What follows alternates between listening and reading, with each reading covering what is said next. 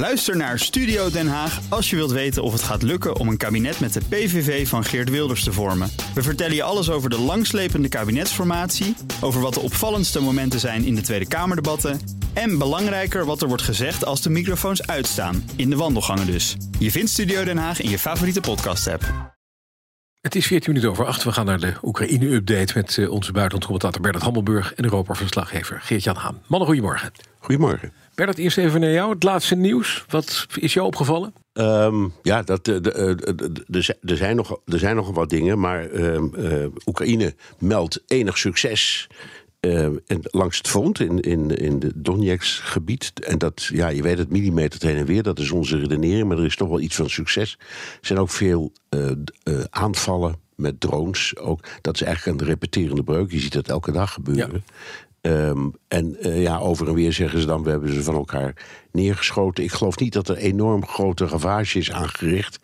Um, en uh, de, de blik is natuurlijk ook heel erg op hoe het nu gaat met graantransport. Hè. Er is één schip door die barrière heen gekomen. Dat is toch wel heel belangrijk. Mm -hmm. Want daar geeft. Uh, dat is, laten we zeggen, wilskracht aan de Oekraïnse kant. Maar het is ook een beetje om te testen hoe ver de Russen nou gaan. En dat viel dan ook wel weer even mee. Uh, dus ja, dat is het. het het, uh, het, het, beeld, het, het uh, militaire beeld. Mm -hmm. Ja, en juist over, die, over die, dat schip in die Zwarte Zee is interessant. Hè? Dat is waarschijnlijk gevuld met graan. Uh, het vaart door de territoriale wateren van Roemenië en Bulgarije, NATO-landen. Ja.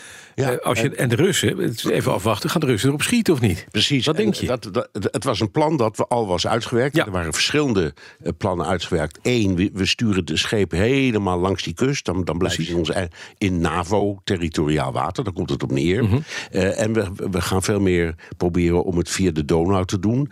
de Russen die, hebben als reactie daarop zijn ze plekken of havens gaan bombarderen die die, die Donauroute langs die Donauroute liggen. Mm -hmm. um, en vorige week of zo, een paar dagen geleden, was er ook een, een, een, een, probleem met een schip. Of de Russen hebben een schip lastig gevallen, zal ik maar zeggen. Dat langs die Bulgarije-route ging.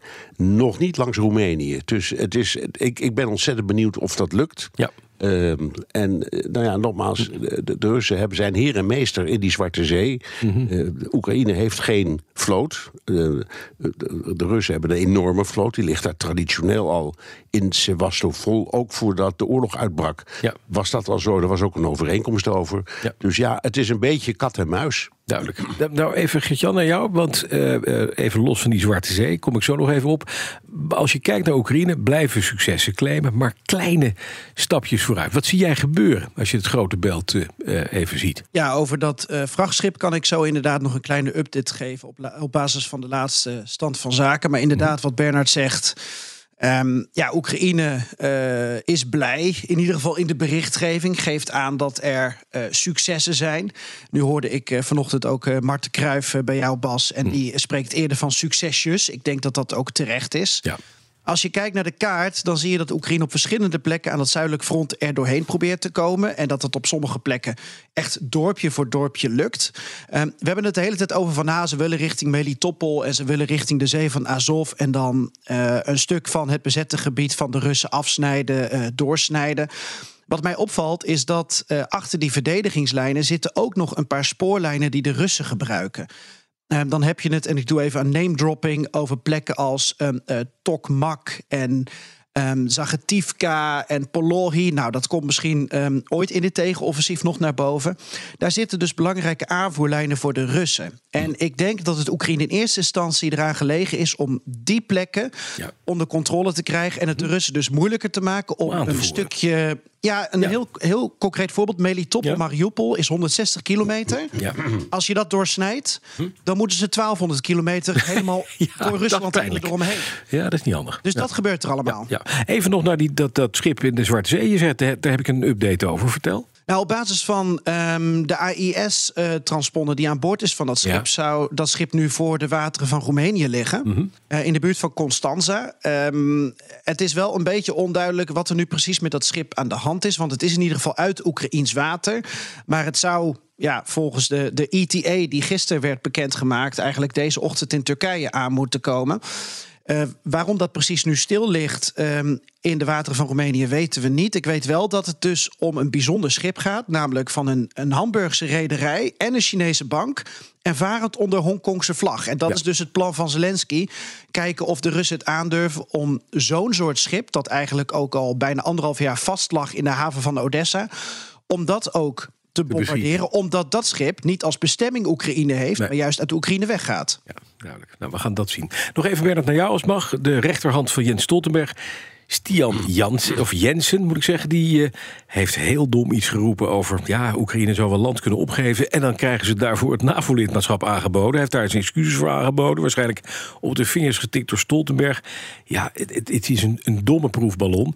Maar kennelijk, dit wordt wel besproken hè, in de ja, hogere gelederen. Zeg, een storm van reacties mag je wel zeggen. Ja. Geert-Jan en ik hebben er gisteravond tot, tot nou ik zeggen, bijna nachtelijke uren over gediscussieerd. Wat is hier nou toch aan de hand? Uh, mijn mening was inderdaad dat het een soort proefballonnetje is. Want het mhm. gaat in duidelijk tegen de opvatting in de NAVO en onder de, uh, de, de geallieerden, die allemaal zeggen: wat er met uh, Oekraïns grondgebied gaat gebeuren in de toekomst, is niet ons, ons beleid, maar dat van Oekraïne zelf. Dus daar bemoeien we ons niet mee. Maar als je naar de tekst leest, kun je zien dat hij had er wel over nagedacht. En wat er volgens mij uh, aan de hand is, is dat dit een van de dingen, zegt hij ook, een van de dingen die zijn besproken in, in, uh, in Noorwegen tijdens een, een bijeenkomst. Uh, maar dat wat breder binnen de NAVO maar ook misschien wel daarbuiten steeds meer wordt gepraat hm. over wat zich afspeelt in Amerika in het congres, waar nu iets van 70% van de Republikeinen zich verzetten tegen een nieuwe tranche van hulp aan uh, Oekraïne. Dat is niet voldoende om uh, de, de Amerikaanse steun te blokkeren. Want gelukkig zijn in beide partijen is er nog voldoende steun. Maar het is een trend ja. uh, waarop Kevin McCarthy, de, de, de voorzitter van het Huis van Afgevaardigden, ook steeds maar terugkomt. Hè. We, we, blijven geen blanco checks geven ja. en we moeten uitkijken. Trump en DeSantis, de belangrijkste Republikeinse uh, kandidaten zijn gewoon moordicus tegen die hulp. En die discussie wordt breder. En ik denk uh, dat uh, elke keer als je dat ziet gebeuren, we hebben dat al eerder besproken als thema, waar dan ook. Dat is een soort communicerend vat. Als je ergens hoort, het Westen denkt misschien over minder hulp of ga zo maar door. Dan zie je aan de andere kant het woord onderhandelingen toenemen. Ja.